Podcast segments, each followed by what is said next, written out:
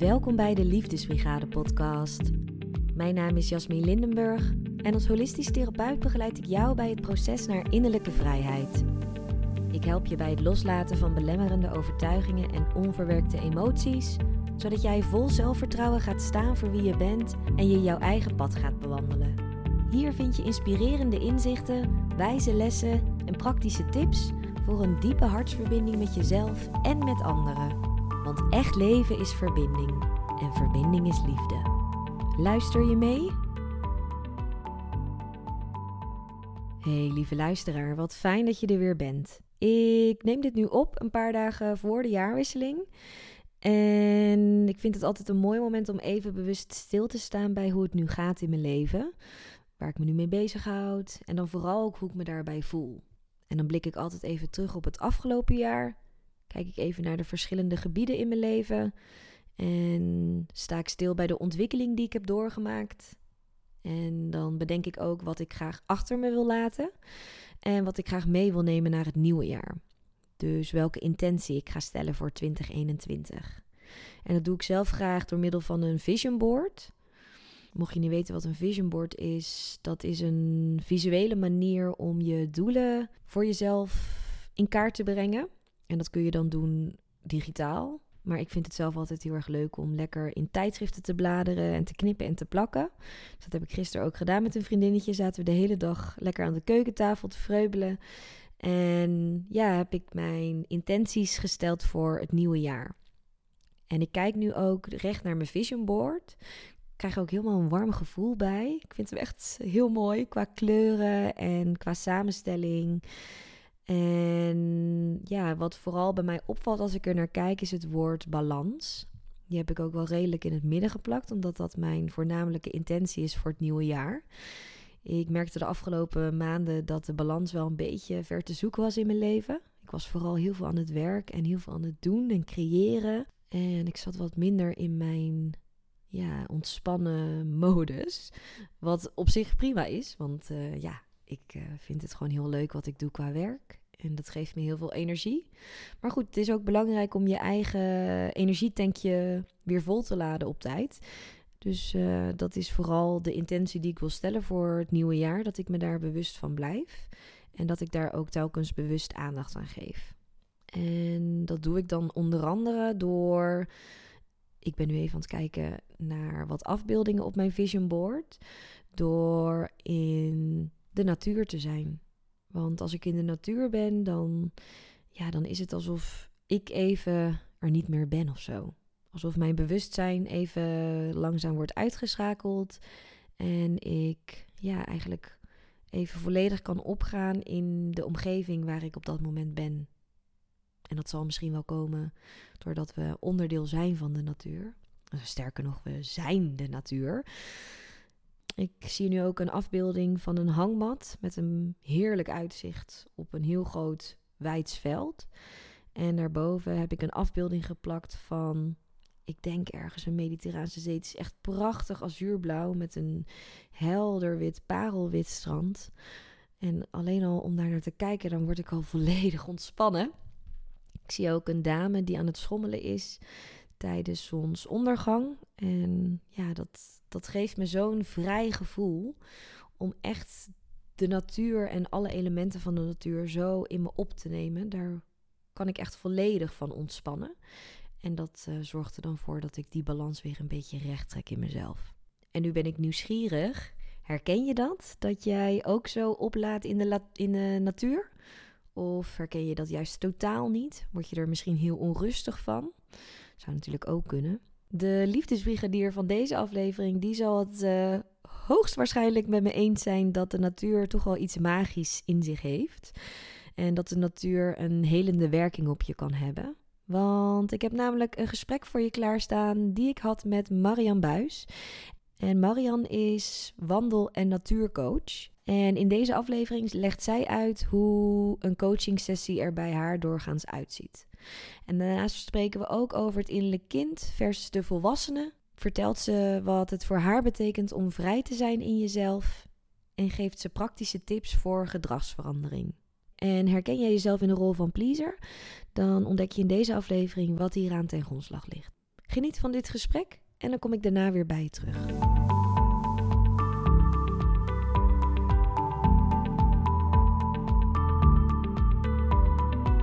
Het zo leuk dat je hier bent. Welkom in de podcast. Dankjewel. Ja, en ik kijk hier al een hele tijd naar uit, want jij bent voor mij toch al een bijzondere gast. Oké. Want uh, als, uh, ja, jij bent de eerste gast die mij eigenlijk al mijn hele leven kent, sinds dat ik in Nederland ben in ieder geval. Zeker, ja. ja. Want we kennen elkaar, in ieder geval ik ken jou langer dan dat jij mij kent. Ja. maar ik ken jou inderdaad vanaf dat je drie maanden was en dat je in Middelburg kon wonen. Vier, vier maanden. Vier maanden? Ja, ja. ja. als familievriendin was jij, uh, ja, was jij er toen net bij toen ik voor het eerst in Middelburg kwam. Ja, en eigenlijk, eigenlijk uh, nou toen kende ik je nog niet echt, maar ik had eerder al wel fotootjes gezien. En sterker nog, we gingen dus ook echt samen met je moeder jouw naam bedenken. Nou ja, weliswaar had zij de naam bedacht, maar of het nou een, met een Y werd of met een J er van tevoren, met Jasmin. Ja. ja. Nou gelukkig dat het met een Y is geworden. Ja, dat past beter dan met een J. Ja, bij mij in ieder geval wel. Ja. En heel leuk dat je er bent hier uh, in de podcast. Nogmaals welkom. Mm -hmm. Dankjewel. Voor degenen die jou nog niet kennen, wil jij jezelf eerst voorstellen? Ja, nou mijn naam is dus Marion Buis. En uh, zoals ik net al zei, Middelburg, uh, jij bent uh, ook in Middelburg terechtgekomen op een gegeven moment. Ik woon nog steeds in Middelburg. En het mooie Zeeland. En ik woon hier met mijn man. En um, um, nou, daarnaast wil ik heel graag vertellen over mijn werk. Dus ik werk als wandel- en natuurcoach. En um, in het hele mooie Oranje Zon in Vrouwenpolder. En ja, wat ga ik nog meer vertellen over mezelf? Ik, uh, ik ben gewoon heel blij dat ik dit werk mag doen. En ik ben gewoon heel blij dat ik. Ik ben echt een natuurmens, dus ik ben heel blij dat ik ook gewoon buiten kan werken. En um, kan genieten van alles wat er om me heen is dan. Ja. En dan ben ik ook nog aan het werk. Ja, je hebt toch eigenlijk wel de ideale werkplek? Ja, ja, ja. Ja. ja. Ik kom s'avonds wel uh, al met 10.000 stappen. ja. ja. En laten we dan gelijk in je werk duiken, want wat, wat doe jij als wandel- en natuurcoach? Uh -huh. um, nou, we hebben het in de voorbespreking al even gehad over het verschil tussen wandel- en natuurcoach. Ik noem ze allebei, want ik ben niet alleen maar, of ik werk niet alleen maar als wandelcoach. Uh, omdat voor mij, zeg maar, onder wandelcoach valt echt het wandelen en uh, het luisteren naar mensen. En daarbij wel mindfulness oefeningen en allerlei oefeningen doen. Dus dat is wat ik ook doe. Um, maar de natuurcoaching, um, daarbij gebruik ik de natuur als element. Waarbij, um, ja, waarbij de natuur echt als symbool staat, zeg maar, voor het thema waar mensen op dat moment voor komen. En dat zijn voor mij twee verschillende dingen. Dus die gaan ook, gaan ook samen, want ik wandel dan ook en ik, ik doe ook oefeningen en doe mindfulness oefeningen. Maar daarnaast gebruik ik dus ook de natuur als symbool. En hoe, hoe gaat dat dan in zijn werk als, als iemand dan bij jou komt? Um, kan je een beetje laten zien ja, wat er dan tijdens zo'n sessie gebeurt? Want dan spreek je dus altijd af in de natuur. Ja, vaak wel. Ik moet wel eventjes ook zeggen dat ik soms ook uh, binnenwerk. Want, want um, het kan soms zijn zeg maar, dat mensen er niet mee bekend zijn. Dus die vinden het spannend. Um, waardoor ik sowieso de kennismaking altijd al binnen doe. Omdat uh, dat, dat dan wat veiliger kan zijn voor mensen. En omdat ik simpelweg omdat ik dan ook gewoon dingen iets op wil schrijven. Dus dat is voor mij dan net wat handiger. Um, maar er zijn, ik, ik, ik, ik check dan altijd zeg maar, met mijn cliënten van, goh, is het wat voor jou om buiten te werken of wil je liever binnen werken? Wil je liever binnen blijven? Uh, en dan zijn er soms mensen die zeggen, joh, ik ben eerst liever gewoon een aantal sessies binnen. Want het kan zijn dat mensen soms zo, je hebt over haar spelers, hè, dus mensen die heel uh, zijn en snel overprikkeld raken. En richting een burn-out, dus die combinatie samen. Dan heb ik ook wel mensen gehad die dan liever binnen zijn, omdat ze dan juist in die, in die natuur te veel prikkels ervaren. Um, wat was ook weer je vraag? hoe zo'n hoe zo sessie er dan uitziet als je dan in de natuur bent. Oh ja, dus ik was eerst nog even aan het vertellen hoe het er dan uitziet als ik niet in de natuur Ehm, nou ja, dat, eh, dat is ook wel een eigenschap van mij om dan gewoon lekker uit te wijden. En dan zit ik helemaal in mijn verhaal. Helemaal prima, daarvoor zitten we hier. Ja, dank je. En, ehm, maar de wandelcoaching, hoe ziet dat eruit in de natuurcoaching? Dus eh, we spreken elkaar, we spreken af zeg maar, op de parkeerplaats. En uh, nou, meestal coach ik dus in Oranje Zon in de Vrouwenpolder.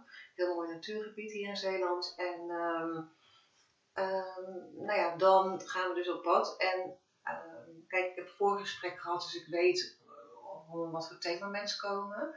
Um, maar ik spreek ook altijd af van per sessie spreken we een doel af. Dus het eerste stuk is eigenlijk een stukje landen. Uh, mensen komen van hun werk of komen van een thuissituatie of wat dan ook. Dus het eerst ontspanning, een stukje zeg maar in het begin.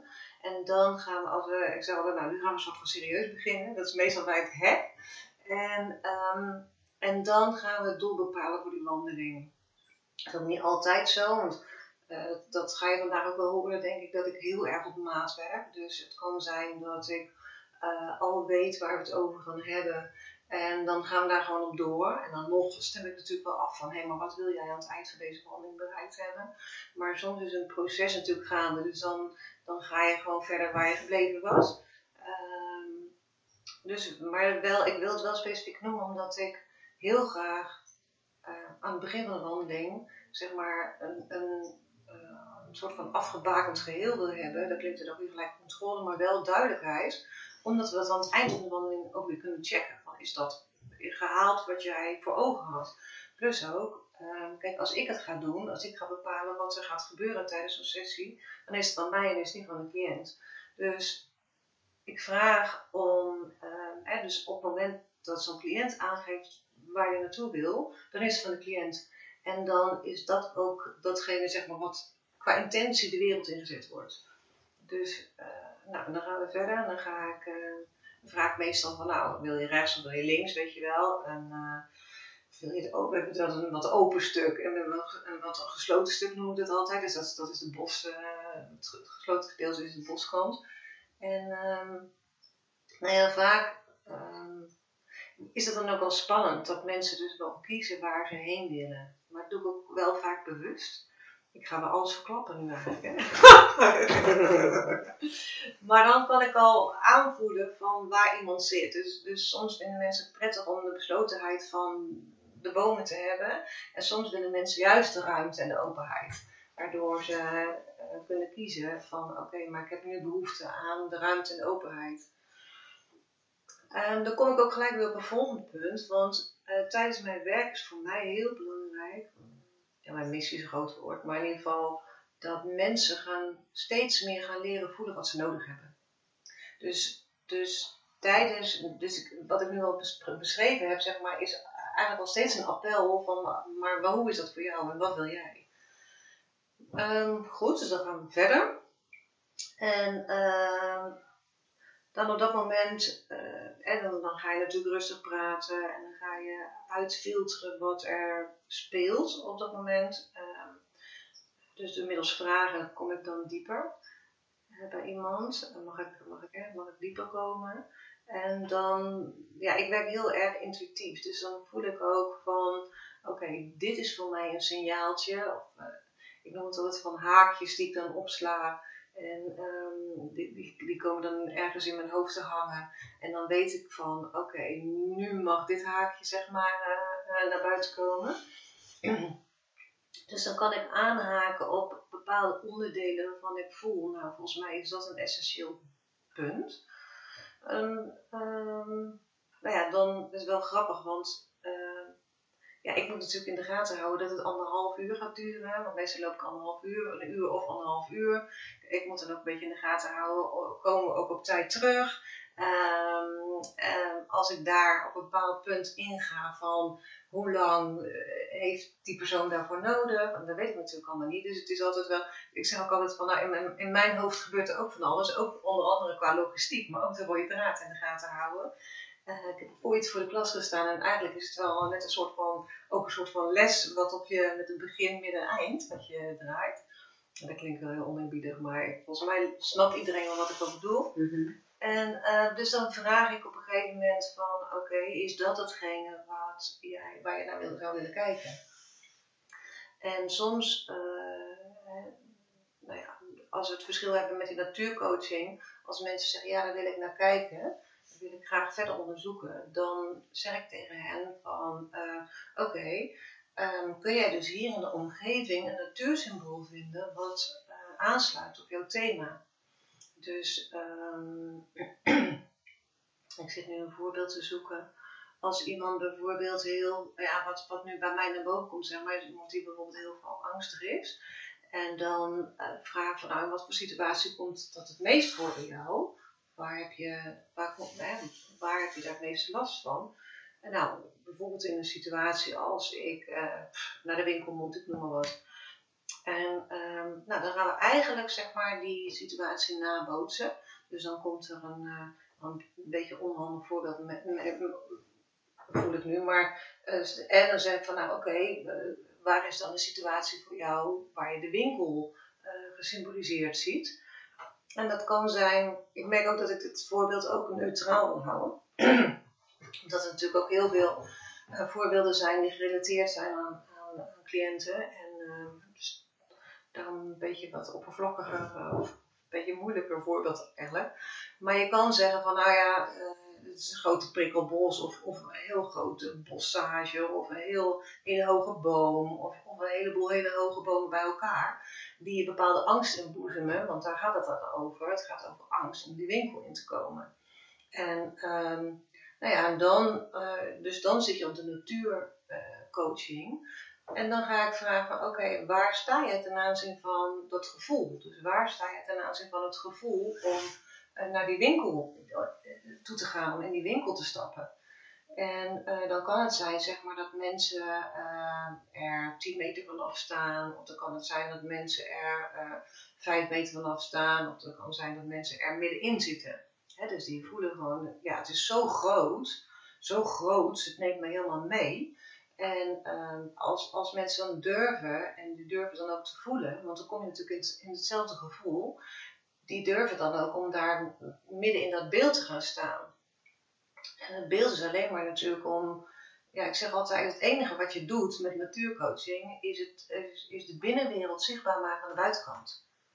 Het gaat natuurlijk helemaal niet om bomen, het gaat helemaal niet om bossen, maar het gaat om het feit dat je dus uh, komt bij je eigen gevoel en daar uh, uh, dat op dat moment er durven te laten zijn. En, en durf je dus daadwerkelijk daar stapjes in te maken. Mooi. Ja. Ja, ik moet nu ook denken, terwijl je dit vertelt, aan een sessie die je mij echt heel lang geleden ooit hebt gegeven. Oh. Ja, ik weet niet of je dat nog weet, maar ik zit even te denken, hoe oud was ik toen? Het was sowieso voordat ik het hele bewustzijnspad opging. Uh, dus ik denk wel dat, ik, dat het al zo'n tien jaar geleden is of zo. Uh, en dat wij toen ook zijn gaan wandelen in, uh, in, bij Oranje Zon. En dat jij op een gegeven moment, ik weet niet meer echt de strekking van, uh, van het onderwerp van de hele sessie, maar op een gegeven moment toen waren we op een heel groot veld en er waren allemaal bomen. En er stond dus een uitkijktoren, zo uh, heel, um, heel, heel statig en heel, heel mooi tussen al die bomen. En toen vroeg jij aan mij om iets in de natuur te kiezen ja, om mezelf um, te lokaliseren zeg maar, in de natuur. En ik keek toen even om me heen en toen zag ik gelijk die uitkijktoren en toen dacht ik, dat ben ik. En toen vroeg je ook aan mij, goh, wat maakt dat je die dan hebt gekozen? Want er was natuurlijk ontzettend veel om te zien. En mijn antwoord verraste mij op dat moment, herinner ik me nog, omdat ik toen zei, ja, die uitkijktoren is gemaakt van hout. En hij staat in het bos, dus het is precies van hetzelfde materiaal gemaakt als de bomen. Alleen het is wel iets wat opvalt binnen het hele bos en waarbij je dus kan kijken door de bossen en over de bossen heen. Dus door dat gesprek met jou voelde ik, ja, ik wil heel graag een onderdeel zijn van de mensen in mijn omgeving. Ik wil graag, ja, ergens hetzelfde zijn als iedereen. En tegelijkertijd wil ik heel erg mezelf zijn en kunnen staan voor wie ik echt ben. En daar ook gewoon echt krachtig voor gaan staan. Zodat ik op die manier ook in mijn eigenheid mezelf kan zijn en eruit kan springen in die uniekheid.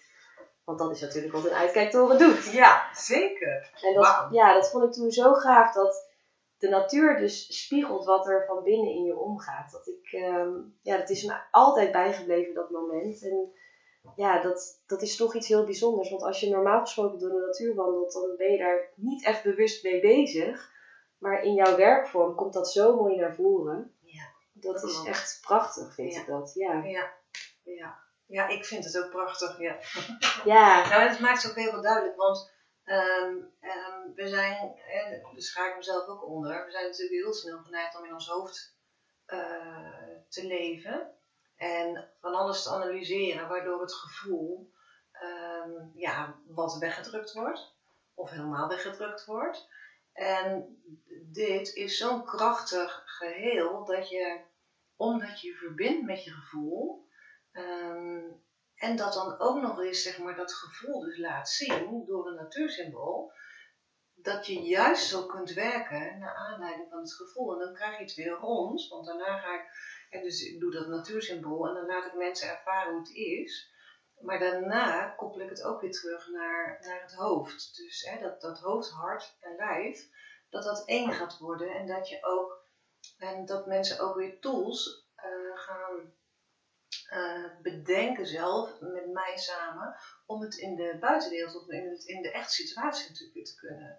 Want, ehm, en net zoals een voorbeeld wat jij vertelt, zeg maar, dat is gewoon heel mooi. En dat, dat is ook zeg maar, wat ik vaak hoor. Eh, ja, vind ik wauw.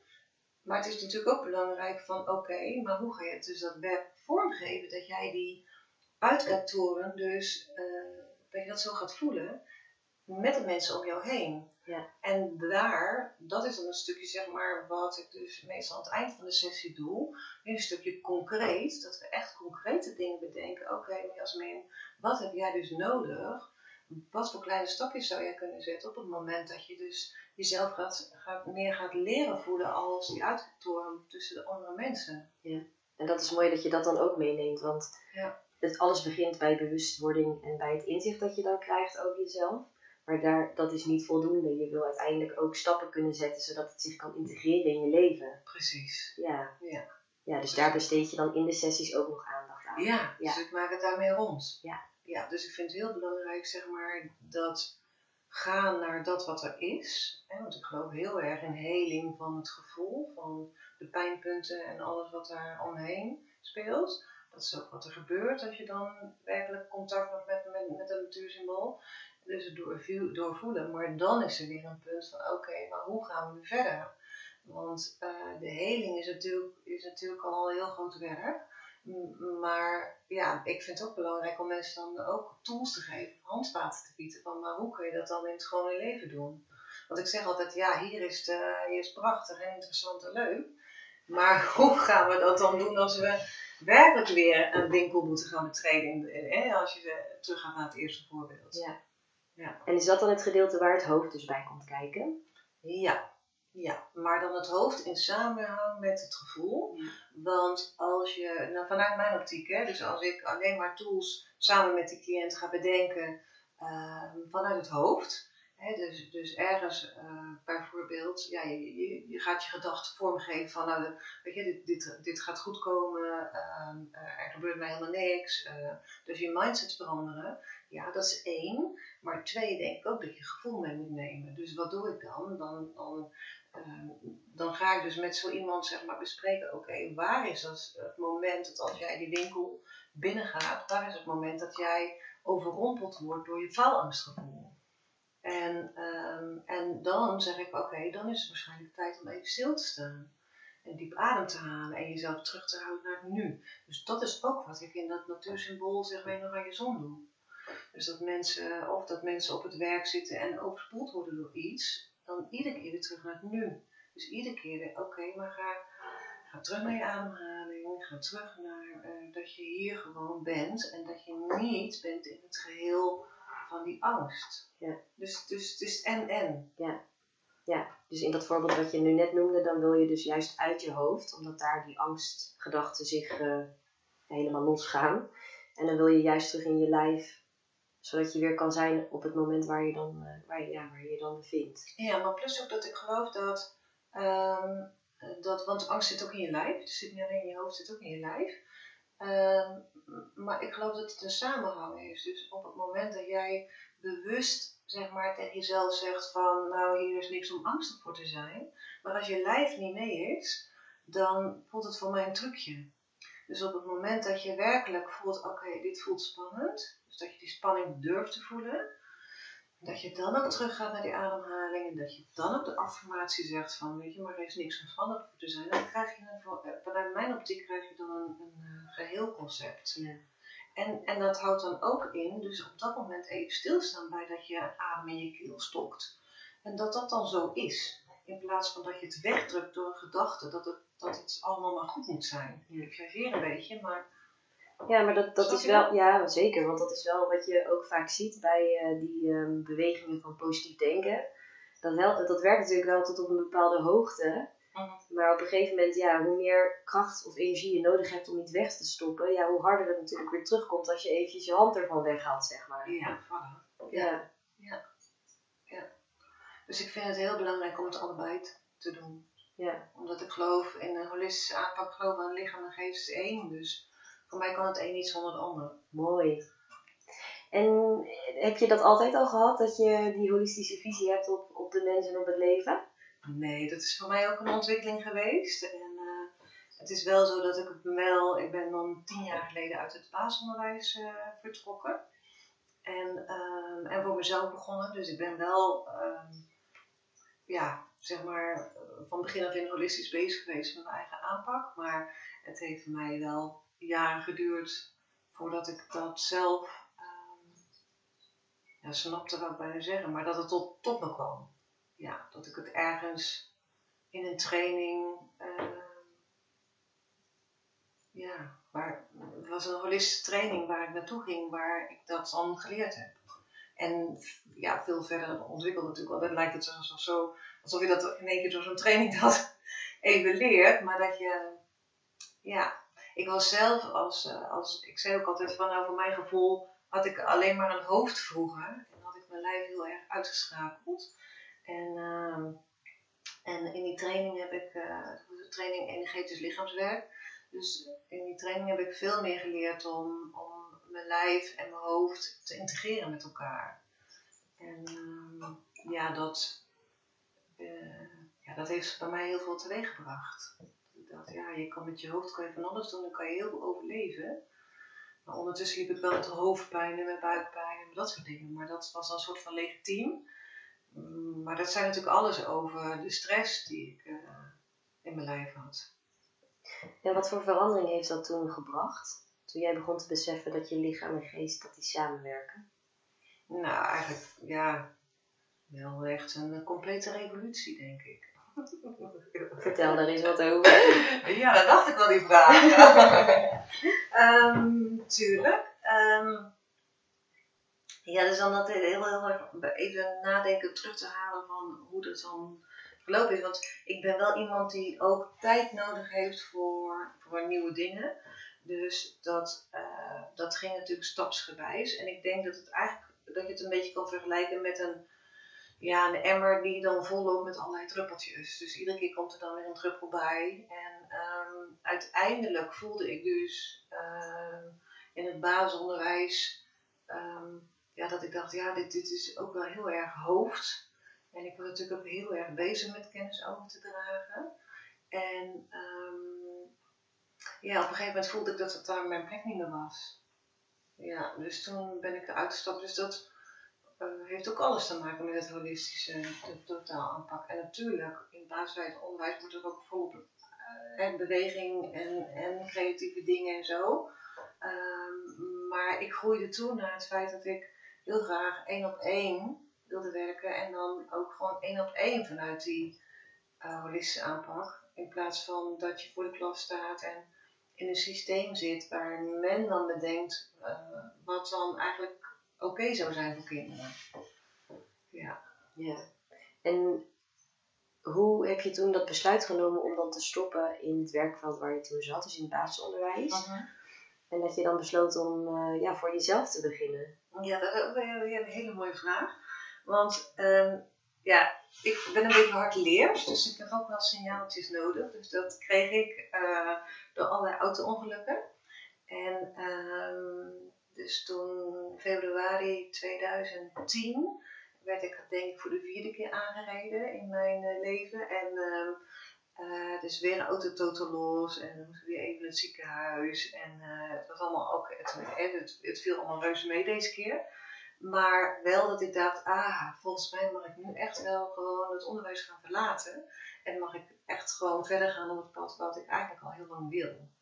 Dus toen, uh, ja, toen heb ik even, denk ik, een maand in de ziektewet gezeten. En het besluit genomen van, nou, als ik terugkom, dan ga ik ook zeggen dat ik per zomervakantie of voor de zomervakantie ga stoppen.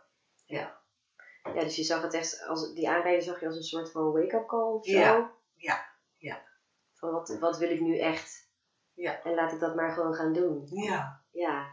En ik moet wel zeggen, ik had de laatste jaren van, tijdens mijn basisschooljuf zijn, had ik ook al wel opleidingen gevolgd. De kunstzinnig dynamisch coachen en dat energetisch lichaamswerk. Dus ik was mezelf ook al wel helemaal aan het voorbereiden om uh, als coach te gaan werken. Dus dat, uh, ja, dus daarin speelde het holistische stuk natuurlijk ook al een heel groot deel. Ja. En, en waar komt dat verlangen dan vandaan om, om anderen te coachen? um, even over nadenken hoor. Waar komt dat verlangen dan vandaan om anderen te coachen? Ja, bij mij komt het natuurlijk gelijk boven van, uh, goh ja, die reddersrol, hè, dat uh, iedereen toch al een beetje redden als je kijkt vanuit het drama driehoek.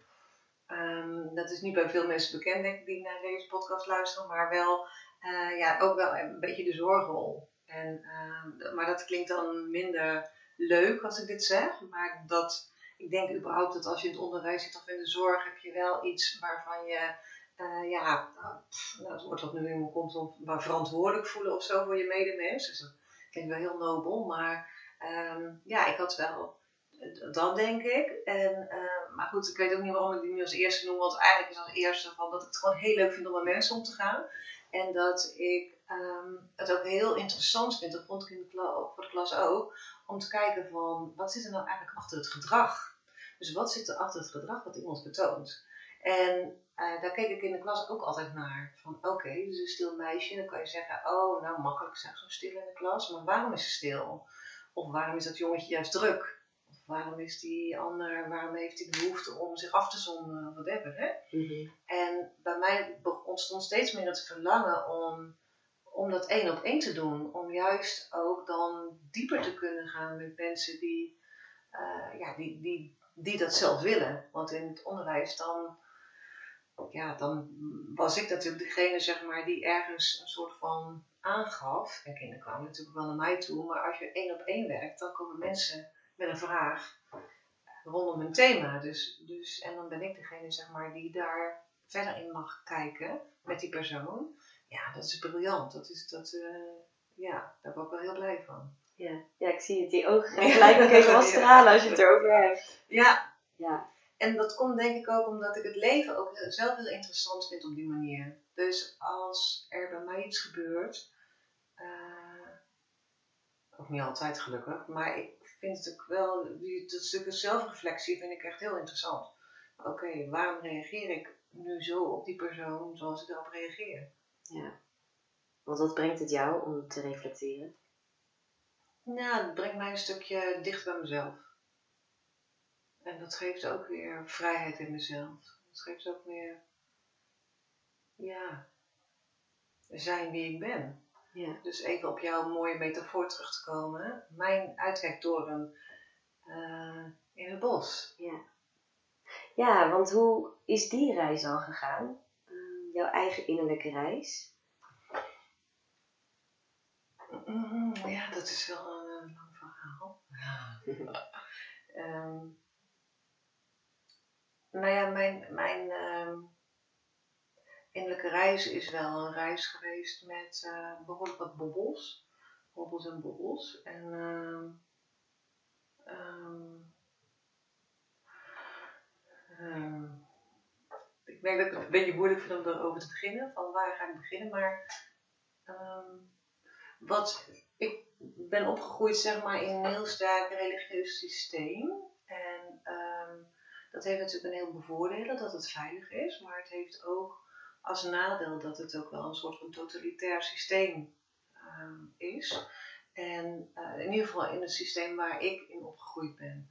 Dus dat betekende dat, ja, dat je dan toch wel een beetje moet doen wat er gezegd wordt. Nou, dat zit niet helemaal in mijn aard. Daar hebben we het ook al eerder over gehad. Hè? En, uh, Ehm, dus ehm, ja, ik ben naar een soort van in overlevingsstand gegaan. En, eh, maar dat betekent niet dat je dan dicht bij jezelf bent. Dus mijn, ehm, ja, mijn, mijn jeugd en mijn middelbare schooltijd, dat, ik denk dat ik daar toch wel voor een heel groot deel iemand gespeeld heb buitenom wie ik ben. En uh, ik weet nog wel dat ik op de, op de PA kwam, zo heette die, de PABO heette dan vroeger PA. En uh, Pedagogische Academie. En dat er echt een wereld voor me open ging, dat ik dacht, hm, weet je, ook had het ook allemaal. Ja, maar goed, dat, dat thuissysteem, dat bleef natuurlijk wel streng. Dus dan was de combinatie toch nog wel een soort van spannend en dan deed ik het wel. Maar dat was niet in overeenstemming met mezelf. Was je er daar op dat moment dan van bewust? Of kwam dat pas later? Mm, ik was me bewust van een dubbelrol, maar, ik, uh, om, maar dat zag ik meer als een soort van escape. Dus dat was meer een soort van ontsnappen voor mij om het op die manier te doen, dan dat ik werkelijk goed, door kon, goed kon doorvoelen wat de andere kant kon zijn, omdat ik die andere kant niet kende. Dus als je op een bepaalde, dat zal iedereen natuurlijk kennen, als je op een bepaalde manier opgroeit. Uh, kijk, iedereen groeit op in een eigen systeem, hè? Dus, -hmm. dus uh, het gaat heel, heel niet over goed of fout. Het gaat over in wat voor systeem groei je op. En um, uh, nou, die, die, die, herken jij natuurlijk ook. Van je komt er ergens terecht, ik dan door mijn geboorte, maar um, in een gezin die, ja, die voor een deel zeg maar niet helemaal paste bij wie ik ben. Of in ieder geval dat dat niet voortgeleefd werd. Dus ik ben me daar later pas bewust van geworden van die laag. Omdat ik toen aan die laag ben gaan bouwen. Maar wat is nou datgene wat ik dan werkelijk prettig vind? Maar dat duurt heel lang als je. Voor mij duurde het heel lang, zo moet ik het zeggen, die van mezelf blijven. Um, om te voelen wat ik werkelijk wilde omdat die laag er niet was. Dus ja, wat wil je dan? Ja, weet ik veel. En wat, wat, wat voor dingen hebben jou toen geholpen om dat meer te ontdekken? Hmm. Nou ja, ik denk dat toen ik Hans tegenkwam, dus toen ik mijn man tegenkwam, dat er uh, wel een, een, een, een hele verschuiving plaatsvond. Van, oh, oké, weet je, dus een soort van nieuw systeem zelf bouwen met een partner. Um, waar jij dus dan wel vrij kan zijn. En waar je dus dan wel kan ontwikkelen um, in, op die manier die voor jou prettig voelt. En waarin hij mij gewoon heel erg gesteund heeft. Ja. En dan ga je langzamerhand, ben ik langzamerhand gaan kijken van oké, wat is nou datgene wat bij me past. En toen ben ik bijvoorbeeld um, uh, eerst uh, die remedial teaching gaan doen en daarna gedragsspecialist. Dus ik ben heel wat studies gaan doen, waardoor ik um, meer en meer ben gaan landen in mezelf. Zo is het eigenlijk. En ik heb ook, ook gewoon heel veel therapie gehad. Ja. En toen je die studies deed, had je toen ook al, deed je dat toen met die intentie om uiteindelijk anderen te helpen? Of deed je dat op dat moment nog vooral voor jezelf? Ik deed het uh, om anderen te helpen. Um, omdat ik heel erg gericht was. Dus mijn overlevingssysteem was ook de pleasende rol. Dus was heel erg gericht op de ander. En um, dus door de, die notitie, dan, hè, dat één op één, dan ben je ook aan het helpen bij de ander. Ja. Dus dat eigen bewustzijn, dat zijpelde wel. Hè, als ik nu zo uitkristalliseren, zeg maar, dan voel ik wel dat daar allemaal kleine stapjes genomen werden, omdat er natuurlijk ook gewoon gekeken werd naar jouw rol als, als remedial teacher. Um, um, maar dat heeft lang geduurd voordat ik werkelijk heb kunnen voelen van uh, dat is wat ik prettig vind. Ja, en ik moet er nog alert op zijn. Omdat ik heel snel bij de ander zit. En uh, dat, dat is natuurlijk een eigenschap van hoogsensitiviteit. Uh, ja, die, die heb ik echt glansrijk gebruikt om, uh, ja, om, om mezelf safe te voelen. Dat je dan doet wat je denkt en ziet en hoort, wat een ander van je verwacht. Ja. Maar als je zo gefocust bent op de ander, dan schakel je jezelf uit. Of dan ja, weet je niet wat je zelf wilt. Ja, ik, ik knik omdat ik het ook herken. Ja het is mij ook niet onbekend. Nee. Eh, de rol van de pleaser. En ik denk dat trouwens ook velen in, eh, in de zorgverlening zichzelf daarin herkennen. Zeker. Want daarin komt dat natuurlijk heel sterk naar voren. En eh, ik kan me ook nog herinneren bij mezelf dat op het moment dat ik me daar bewust van werd en dat ik daar ook veranderingen in wilde aanbrengen, dat, ja, dat het zo onnatuurlijk voelde om dan de aandacht te verleggen van de ander op mezelf. En dat, dat zie ik ook wel om me heen bij, bij mensen die zich daarmee bezighouden, dat het dan zo egoïstisch voelt om opeens aan jezelf te denken en niet meer aan de ander. Ja. En ik zie je knikken, dus ik ga ervan uit dat jij het ook herkent. Ja, die herken ik heel erg. Wat, zou, zou jij zeggen tegen zo iemand als die voor jou zit? Nou ja, waar ik direct aan moet denken, het is wel echt een klassiek voorbeeld, maar als je in het vliegtuig zit, dan moet je eerst, eh, hè, dus, dus eh, er gebeurt iets met dat vliegtuig en die maskers, die zuurstofmaskers komen naar beneden, dan moet je eerst je eigen masker opzetten, wil je pas het masker bij je kind, of bij, de, ja, bij je kind hè, opzetten. En ik, ik ben ondertussen echt zover dat ik geloof, ehm, op het moment dat je ehm, zelf jezelf leert kennen, Ehm, dat is voor mij niet meer egoïstisch, maar dat is zijn wie je zelf bent. En egoïstisch is voor mij dingen, eh, ik, ik en de rest kan stikken, om het maar even zo platweg te zeggen, of zo'n uitspraak is dat geweest. Maar jezelf leren kennen is wie je bent. En daar is niks egoïstisch aan. Alleen dat is heel vaak ehm, leren wij al om uit te reiken naar de ander. En niet uit te reiken naar onszelf. Ja. Want op de een of andere manier is er een soort van normering dat, ehm, ja, dat we de ander belangrijker moeten achter dan onszelf. Dus wat ik zeg tegen cliënten van mij, want dat is natuurlijk ook een heel groot gedeelte van mijn werk, van oké, maar wat is nou datgene wat jij wel zo zelf zou willen doen in die situatie? Maar ik zeg altijd, gaat het ook over in verbinding met de ander. Dus het gaat niet over dat, ehm, dat jij alle snoepjes gaat nemen. een heel simpel voorbeeld. Maar dat je in verbinding, zeg maar, hè, dus de snoepjes verdeelt. Maar dat je, ja, dat is misschien een heel simplistisch voorbeeld, maar dat je ervoor zorgt, op het moment dat jij ervoor zorgt dat je zelf goed in je vel zit, kun je er ook voor de ander zijn. Ja. Want anders dan ga je een andere rol vervullen. Want als je, als je zeg maar, hè, want dat, als ik weer terugkom op die reddersrol, die verzorgersrol, dat zegt ook alles over mij. Dus op het moment dat ik ga in het eh, goed doen voor die ander, dan wil ik even, eh, ja, misschien ga ik het toch wel even zeggen, dan wil ik ergens indirect ook die zorg voor mezelf. Dus dat vind ik ook egoïstisch. Want dan haal ik bij de ander wat oneigenlijk is. Ik ben aan het zorgen voor die ander, maar ik ben eigenlijk aan het zorgen voor mezelf. ja, en dan is de vraag natuurlijk... Snap je die? Ja, ja, zeker. Want ik, ja, ik leg mezelf altijd zo uit dat als je niet die verbinding hebt met jezelf en je eigen ehm, zuurstofmasker eerst hebt opgezet, als je dan die, als je dan naar de ander uitreikt, dan is het, dat lijkt dan heel erg liefdevol en dat lijkt dan heel erg voor de ander. Maar eigenlijk is het een onbewuste manier om dus iets aan jezelf te geven wat jij eigenlijk ook net zegt. Eh, en wat het dan ook is, misschien is het dat je er bevestiging voor krijgt, of is het omdat mensen ehm, ja, eh, je heel waardevol ga- gaan zien voor je hulp bijvoorbeeld.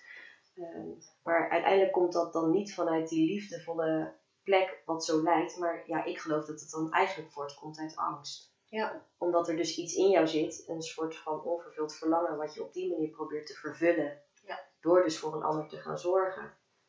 En het heeft mij heel erg geholpen om mij daar bewust van te worden, zodat ik dan eerst dat in mezelf kan opvullen.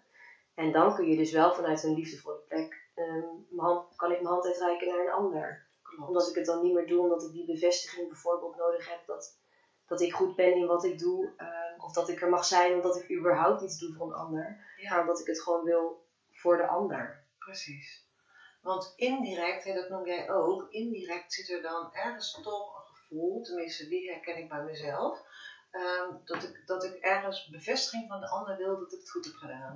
Of een complimentje wil horen of wat dan ook. En dat is mijn kindstuk, die dan, een kindstuk in mijzelf, die daar als het bange meisje, dus die inderdaad dan bevestiging wil horen. Ja, Dan doe ik het goed. ja, Ja, je doet het goed. ja. En je krijgt natuurlijk heel snel bevestiging dat je het goed doet als je iets doet voor een ander. Precies. En dat is heel makkelijk, want dan kan iemand zeggen: Oh, dankjewel, wat fijn dat je dat hebt gedaan. Ja. En zo hou je die connectie ook met de ander. Ja. En dat voelt dan ook weer prettig. Maar dan is natuurlijk de vraag, ja, in hoeverre komt het echt vanuit liefde? En is de intentie echt oprecht? Mhm. En ik denk dat, ja, dat heeft mij in ieder geval eh, heel veel, eh, voor heel veel opheldering gezorgd toen ik me daar bewust van werd dat het toen der tijd dus niet kwam vanuit liefde, maar dat het was om iets op te vullen bij mezelf. Oh ja. En dan geef je dus eigenlijk op een heel andere manier. Ja. Niet echt geven eigenlijk. Nee. Nee. En weet je, ook dat is, want ik hou heel erg van mildheid. Dus, dus dat is een proces hè, in je leven. En dat is een proces in ieders leven. Dus het gaat ook niet over dat je het dan op dat moment fout hebt gedaan, maar je hebt op, op dat moment dat bewustzijn niet dan wat je nu hebt. Ja. Dus dat benaderen vind ik altijd heel belangrijk om te benadrukken, omdat iedereen is daar waar hij is. Dus um, hè, als we het nou hebben over mijn innerlijke reis en over mijn stukken, ehm, ja, en over jouw innerlijke reis, weet je, je, ik zeg altijd, alles begint met bewustzijn. Dus op het moment dat je bewust bent van datgene wat je doet, ja, dan kan je daarin stappen zetten. Maar als je daar niet bewust van bent, dan doe je het op een andere manier. Dan doe je het vanuit een andere laag. Ja. En dat is ook oké. Ja. ja, en dan komt er, ja, wat vroeger of wat later, komt er toch wel een moment waarop misschien dan wel iets zakt wat, wat een paar jaar geleden daarvoor nog Ja. niet zakte. Ja. En dat iedereen dat op zijn eigen tempo doet en op zijn eigen manier, zoals je Ja. zegt. Ja. Want dat herken jij ook. Dat je, weet je, dat je in je reis, dat je stapjes maakt. En dat je denkt, oh, weet je, vorig jaar deed ik nog dit en nu doe ik dat. Ja. ja, die bewustwording daarvan, dat helpt al heel erg. Dat, je, ja, dat ik besef dan, oh, ik loop weer er tegenaan dat ik over mijn grens ben heen gegaan. Dat ik eh, te veel heb gepland in een week. Dat was iets wat recentelijk voorkwam. En dat ik dan toch denk, ja, ik kan nu wel heel boos zijn op mezelf. Dat ik merk van, oh, mijn week zit nu echt even te vol. Ik had het echt anders moeten doen. Of ik kan even stilstaan en kijken bij hoe anders ik het al aanpak nu in vergelijking met vijf jaar geleden. En dat ik besef, oh, maar ik ben er wel echt in gegroeid. Ja. Ja. En die mildheid dus houden van, hé, hey, kijk, ik loop er weer even tegenaan, maar ik ben me ervan bewust. Ik kan nu kiezen om het anders te doen volgende week. Ja. Maak een rustigere planning. En kijk maar dat ik daar al in ben gegroeid. En dat ik daar ook trots en tevreden mee mag zijn. Precies, want nou, dat is iets wat ik in mijn eh, coaching ook heel erg doe en, en heel erg toepas. Ehm, vaak is het zo dat ik tenminste wel, weet je wel, dan wil ik gelijk eh, een soort van eindresultaat hebben. Maar ik zeg altijd, ja, ik geloof in een leven lang groeien. Dus het is ook ehm, ja, stap voor stap. En ehm, weet je, ik vind het al heel knap dat mensen dan soms ook eh, naar een coaching durven te komen, terwijl ze daar terwijl ze nog nooit eh, bij een coach zijn geweest of zo. Hè? Dus ehm, dat is dan al een enorme stap. En ehm, dus ja, ik geloof ook echt om dat terug te geven. En, en, dan kom je ook weer bij het hier en nu. En ook te zien van, oké, maar ik ben nu op dit punt. En dat kan ook weer een rust geven. En die lat wat lager leggen. En wel dat je ehm, voor je mag houden waar je naartoe wilt. Alleen ook voelen waar je op dit moment staat. En ja, dat is soms niet zo leuk, want soms dan zit je nog maar aan het begin. Ik weet het nog heel goed dat ik in 2004 was dat met het energetisch lichaamswerk. En dat ik dan had een intense week eh, daarvan. Soms middags en 's avonds eh, aan de bak. En, eh, en dat ik dus op een gegeven moment realiseerde, ik dacht, volgens mij sta ik nog maar aan het begin van iets. Maar oh, ik wil al lang veel verder zijn. Ja, en dat vraagt dan ook weer overgave en dat te voelen en te accepteren dat het is zoals het is. Ja. Het zijn ook van die simpele uitspraken, maar het is een simpele uitspraak, maar er zit een heel wereld achter. Ja. ja, want juist het verzetten tegen dat je wil dat het anders is zoals het nu is, dat kost heel veel energie. En dat zorgt ervoor dat je je rotter gaat voelen. Ja, Ja, fijn. Om er zo lekker over te kletsen. Ja. heerlijk. Ja, en je, en je noemde net al het leven lang leren. Dat vond ik een hele mooie. Wat, wat zijn thema's die, waar jij nog steeds, of nog steeds, waar jij nu, eh, die nu bij jou spelen? Nou, ik ehm, heb nu vier maanden vrijgenomen, hè, soort van. Ehm, omdat ik nog wel wat werk. Omdat mensen in trajecten natuurlijk, kan niet zomaar zeggen van eh, zo, hallo, ik er vier maanden uit. Dus, ehm, maar ik neem geen nieuwe mensen aan vanaf augustus. En dat betekent dat ik ruimte en tijd heb voor mijn eigen proces. En dat is ook wel een, een hele omwenteling in mijn praktijk. Ehm, ik had altijd ehm, als doelgroep de hoogsensitieve mensen en de burn-out en de stress. Ehm, nou, die burn-out en stressmensen, dat ga ik dus uh, anders doen. dus dat is voor mij wel een heel proces geweest, omdat ik voel dat ik weer een nieuwe stap mag maken en het vanuit een andere manier mag benaderen. Dus het, het, zal gaan over meer lichtheid. Dus mensen die op een ander punt uh, kiezen voor, ja, hoe zeg ik dat? Um, voor, nou ja, waar het over gaat, zeg maar, is wat meer lichter leven. Dus uh, joy pakken. En natuurlijk heeft het ook te maken met mensen die burn-out zijn, die dat ook doen. Maar bij burn-out mensen, dan um, is het ook vaak dat je echt op zo'n diepe laag uh, zit van wat ook wel wat zwaar is. En met alle respect uh, daarvoor, want vind het heel dapper dat mensen daar dan zeg maar ehm, zo mee bezig zijn. Maar ik wil het nu vanuit een andere laag gaan benaderen.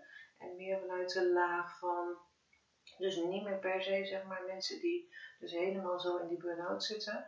Maar mensen die daar al wat meer uit zijn en die ehm, ehm, al wat meer kunnen voelen over het werkelijk vrij zijn in jezelf. Ja, ik merk dat ik het heel voorzichtig zeg, omdat ik ook ehm, zo het proces van de burn-out mensen zojuist zo, uh, zo'n intensief uh, traject. Dus maar juist daarom, dat heb ik nu tien jaar gedaan, kies ik nu voor een stukje wat lichter geheel. En het aanvliegen vanuit een stukje, oké, dus je bent alweer een heel eind op de rit.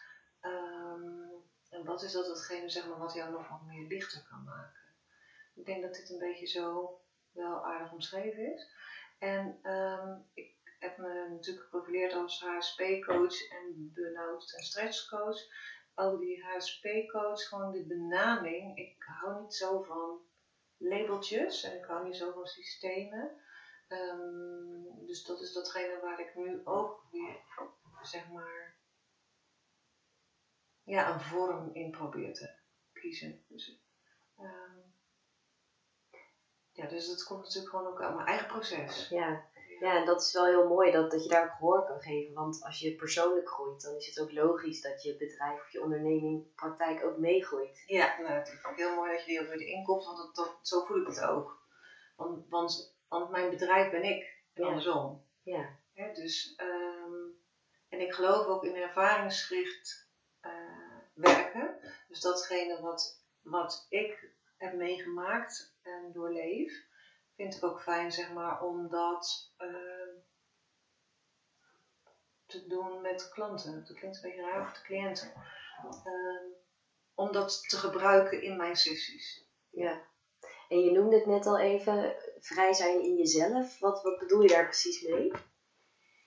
Nou, voor mij is um, deze periode ook echt wel een, uh, ja, een, een heel bijzonder vrij zijn. Want uh, ik had al heel lang het gevoel van ik wil lang vrij zijn. Ja, misschien al jaren. En dat ergens um, niet aandurven of niet, hè, op de een of andere manier uh, heb ik dat niet gedaan. Dan was er de tijd en de ruimte niet voor. Maar heb ik dus gekozen om een goed lopend bedrijf vier maanden stil te zetten. Nou, dat voelt dus echt wel als een klus. En dat voelt dus ook als, oké, okay, mag, ik, mag ik dus echt de vrijheid kiezen in mezelf. Om vrij te zijn. En um, die vrijheid in mezelf betekent ook dat ik mag zijn wie ik ben. En als ik al jaren rondloop met het feit dat ik uh, alleen maar gewoon rust wil en uh, vrij wil zijn, um, dan vind ik het ook belangrijk om dat ook zeg maar te doen. En dat is voor mij dus ook helemaal vrij zijn. Ja, dus werkelijk vrij zijn, maar ook vrij, het vrije gevoel in mezelf. Ja. En nu voor mij is dan het interessante van hoe ga ik het integreren in mijn werk. En daarom noemden we dat er net ook al. Hè, dus dat ik meer bezig wil zijn van oké, met processen van mensen die het gevoel hebben dat ze veel moeten, Dat zijn ook mensen, zeg maar, natuurlijk die in een burn-out zitten of die stress ervaren of hoogsensitieve mensen. Ehm, maar hoe, hoe durf je werkelijk vrij te zijn? Of hoe ga je werkelijk vrij zijn gevoel bij jezelf integreren? En dat betekent ook dat je soms het gevoel moeten mag gaan onderzoeken. Want, want waarom moet er zoveel? En natuurlijk leven in een maatschappij wat veel van ons vraagt. En ook zeker van banen die veel van ons vragen. Maar dat wil niet zeggen dat je geen keuze kan maken. En natuurlijk zijn, als je, ik, ik was op een bepaalde manier zeg maar een soort van makkelijke keuze om dat onderwijs uit te gaan. Omdat ik ook een partner had die werkte. Dus als je single bent of alleen, alleen uh, dan is het natuurlijk wat lastiger. Want dan moet er gewoon inkomen komen. Maar dan is het ook nog belangrijk om te kijken, maar hoe ga je dan in je vrije tijd bijvoorbeeld keuzes maken van vrij zijn? vind je dat je dan de hele dag moet poetsen of boodschappen moet halen of whatever? Of ga je ook kijken van oké, maar ik wil dus gewoon nu vandaag een hele dag de natuur in.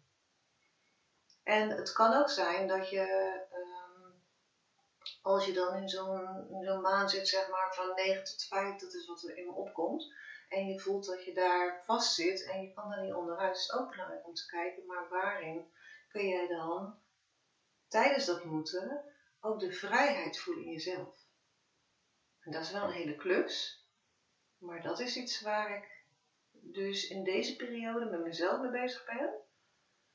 En wat ik dus heel graag uh, in een nieuwe vorm wil gaan gieten voor in mijn praktijk. Ja, mooi. Dus dat het vrij zijn eigenlijk wat ik hoor uit je verhaal, dat het niet zozeer is gekoppeld aan de situatie waarin je je bevindt, maar in wat er in jezelf omgaat. Ja, klopt. Ja, heel mooi, heel mooi gezegd. Ja, ja dit, dit doet me ook denken aan een, uh, aan een boek. Die heb ik, ik heb hem zelf nog niet gelezen, maar hij staat al heel lang op mijn, op mijn lijstje. Maar dat is misschien een leuke tip voor de luisteraar. Dat is een boek van Viktor Frankl. Heb je er, heb je er wat van hem gehoord? Ja. Um, A Man's Search for Meaning. Uh, die heeft toen ook uh, vastgezeten in de concentratiekampen. En, en, dat hij daar dus uh, dan wel letterlijk dus vast zat, maar dat, dat ze zijn geest niet konden pakken. Ja. Dus dat, dat, dat komt dan in me op als je het hebt over die vrijheid. Dat het dus niet zozeer gekoppeld is aan de situatie waarin je je bevindt, maar in wat er in jezelf omgaat. Klopt. En daarnaast is het dus ook nog zo, zeg maar, dus dat is het innerlijk werk.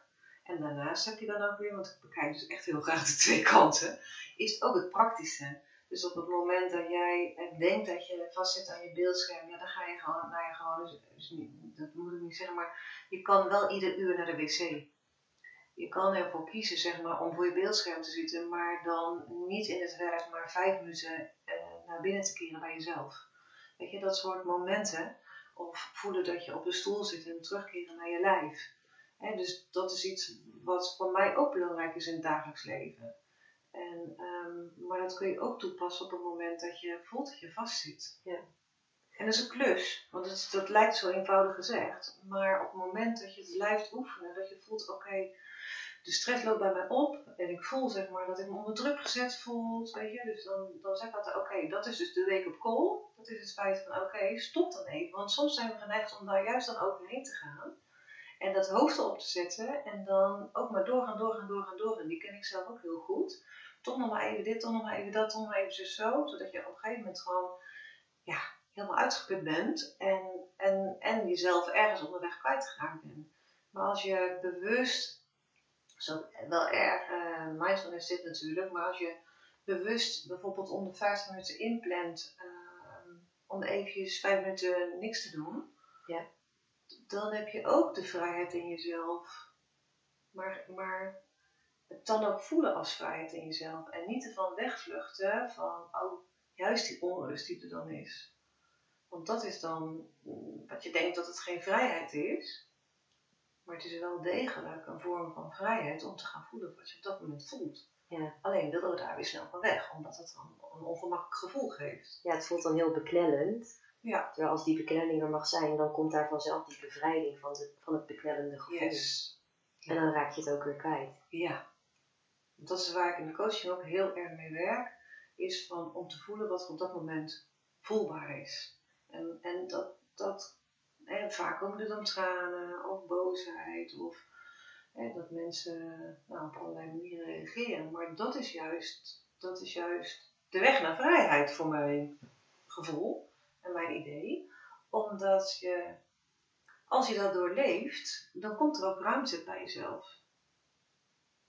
En als je kijkt naar de, ehm, de afgelopen tien jaar in jouw praktijk, welke emotie is dan het meest voorbijgekomen die je cliënten het lastigst of het meest uitdagend vonden?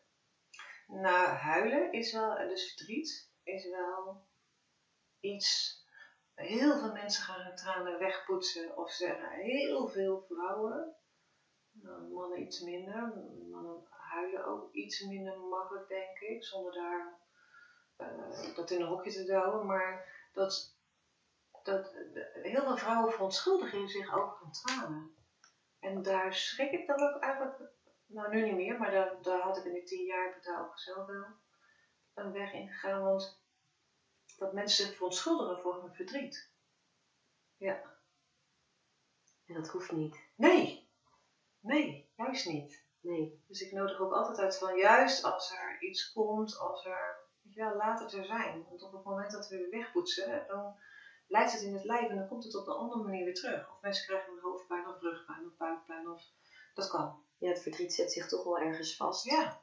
Dus het is dan makkelijker voor jezelf om het eruit te gooien. Ja. En om de tranen gewoon te laten lopen. Ja. ja. Terwijl je het zegt, denk ik, ja, dat is iets wat, wat, wat mensen kunnen zeggen. Oh, sorry dat ik nu, dat ik nu begin te huilen. Nou ja, ze huilen wordt ook heel vaak gezien als zwaktebod. Ja. Weet je, dan ben je een soort van uh, loser. En dat leren we natuurlijk als kind al. Weet je wel, van oh, uh, niet huilen, hier heb je een plakkenpijster, want dan moet je niet huilen. Of uh, hier heb je snoepje, want uh, stop je tranen maar weg, want zo erg is het niet. En dan maar op. En wil ik niet zeggen dat ik nou een pleidooi ga houden van iedereen moet huilen. maar er wordt zo'n stempel op, of er wordt, zo'n, er wordt iets opgedrukt. Ja. dat het er niet mag zijn. En dat, dat merk ik dus echt heel vaak in mijn begeleiding. Ja. Ja, en dat is zonde, want verdriet is, ik zie energie, of ik zie emoties altijd als energie in beweging. En verdriet is slechts energie dat zich wil bewegen. Ja. En het is vaak de lading die we er zelf op maken in ons hoofd, dat het, het zo groot wordt dat het iets is wat we niet mogen tonen. Ja. Terwijl als je verdriet gewoon kan zien als energie dat, dat ze uitweg zoekt, ja. dan is het, heeft het opeens een heel andere lading. Ja, precies. En dat juist het tonen van je verdriet, dat dat kan zorgen voor verbinding. Dus niet iets is wat, wat je zou willen wegstoppen. Mhm. Dat het er juist voor kan zorgen dat je het gevoel hebt dat je ook niet die emotie, het verdriet alleen hoeft te dragen. Ja. Omdat er dan iemand bij je is. Ja, klopt. Ja, dat herken ik ook.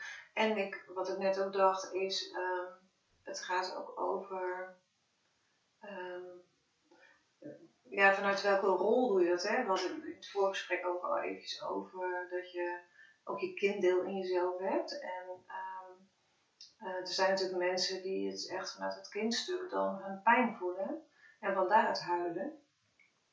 En dat klinkt natuurlijk soms voor een ander wel. Soms, um, ja, een ander kan erop resoneren dat hij daar last van heeft dat iemand in zijn kindstuk komt. Sorry.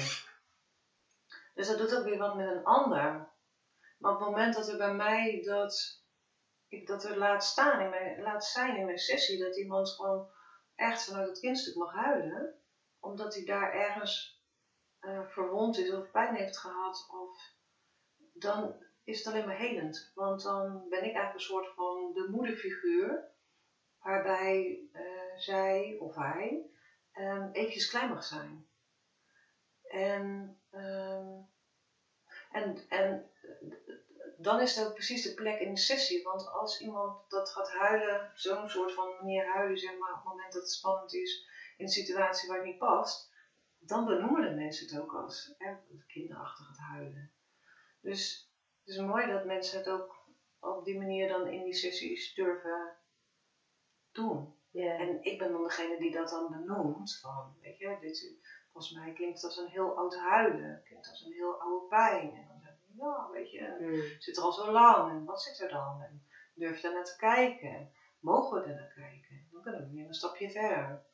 En soms ook niet. En dat is natuurlijk ook helemaal oké. En voor mij is het wel altijd belangrijk ook om dat aan te geven van, weet je, dit is nu een heel oud kindstuk. En, ehm, en als je dit zeg maar ja, neerlegt bij je partner of in je, bij je collega's, ja, die kunnen dat wel heel erg uh, als, um, als niet prettig ervaren, omdat je ja, dan niet vanuit je volwassen rol nee, het, het, voelt al vaak als een, als een irrationele reactie op een situatie waardoor je die emotie, die dan zo heftig is, in verhouding tot, uh, tot, tot de situatie, dat je hem gewoon niet kan plaatsen. Precies maar dat is dat. dus inderdaad omdat het dan niet de volwassene is die die emotie ervaart, maar je innerlijke kind of je kindstuk, zoals jij hem noemt. Ja. ja. En dan gaan we ook weer kijken, weet je wel, uh, oké, wat heb jij nodig voor dat innerlijke kind? Wat heb jij nodig? Wat heeft dat kind gemist? En, en, en dat ook weer, dan weer met praktische tools en handvaten van oké, eh, dat kan zijn tot een. Uh, wat, ik, wat ik vaak doe is dan, dat, mensen dan een foto opzoeken van zichzelf als kind en dat neerzetten en daar uh, oud speelgoed of zo, maar een soort van altaartje dat kind wel te zien. Datgene, hè, dus dat jij vanuit je volwassen rol je eigen kindstuk mag aankijken. Want je kunt als volwassene, als je dat bij jezelf kunt aanboren, als je die al hebt ontdekt, kun je heel goed het kleine kindje van jezelf omarmen. Ja. En daar mee zijn. Ja. En dan kom ik ook weer terug bij die faalangst. Want het kan ook zijn, zeg maar, dat die persoon met faalangst, die, waar ik mee begon in, uh, aan het begin, met het voorbeeld, kan ook zijn dat het, dat het gewoon een heel groot kindstuk is, wat het kind heeft meegemaakt. Dat, dat, dat hij iets meegemaakt heeft in zijn jeugd, uh, waardoor die, dat die faalangst is ontstaan. En als je kunt zien, oké, maar ik kan als volwassene dus in die winkel staan met mijn kindstuk, um, dan kun je het integreren met elkaar. Ja. Ja.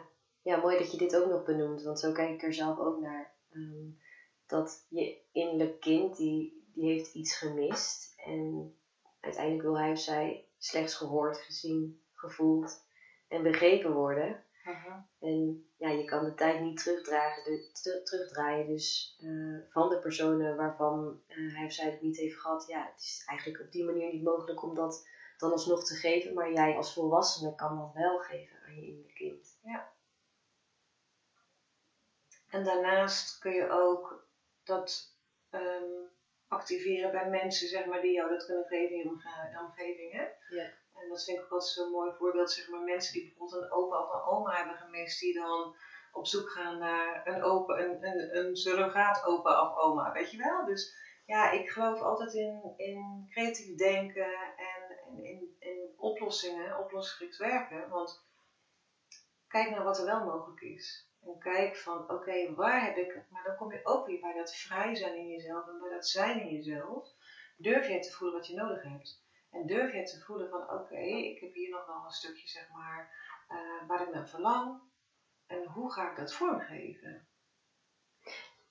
En ik kan me voorstellen dat er dan nu mensen luisteren die ergens wel voelen wat ze verlangen, maar dat ze het niet aan zichzelf durven toe te geven of zo. Uh-huh. Want dat zie ik ook wel uh, gebeuren in mijn omgeving. Hoe, hoe kun je dan ja, heb je daar een tip voor? Hoe kun je dat dan ook toegeven aan jezelf? Ja, maar dit is eigenlijk wat ik echt verlang.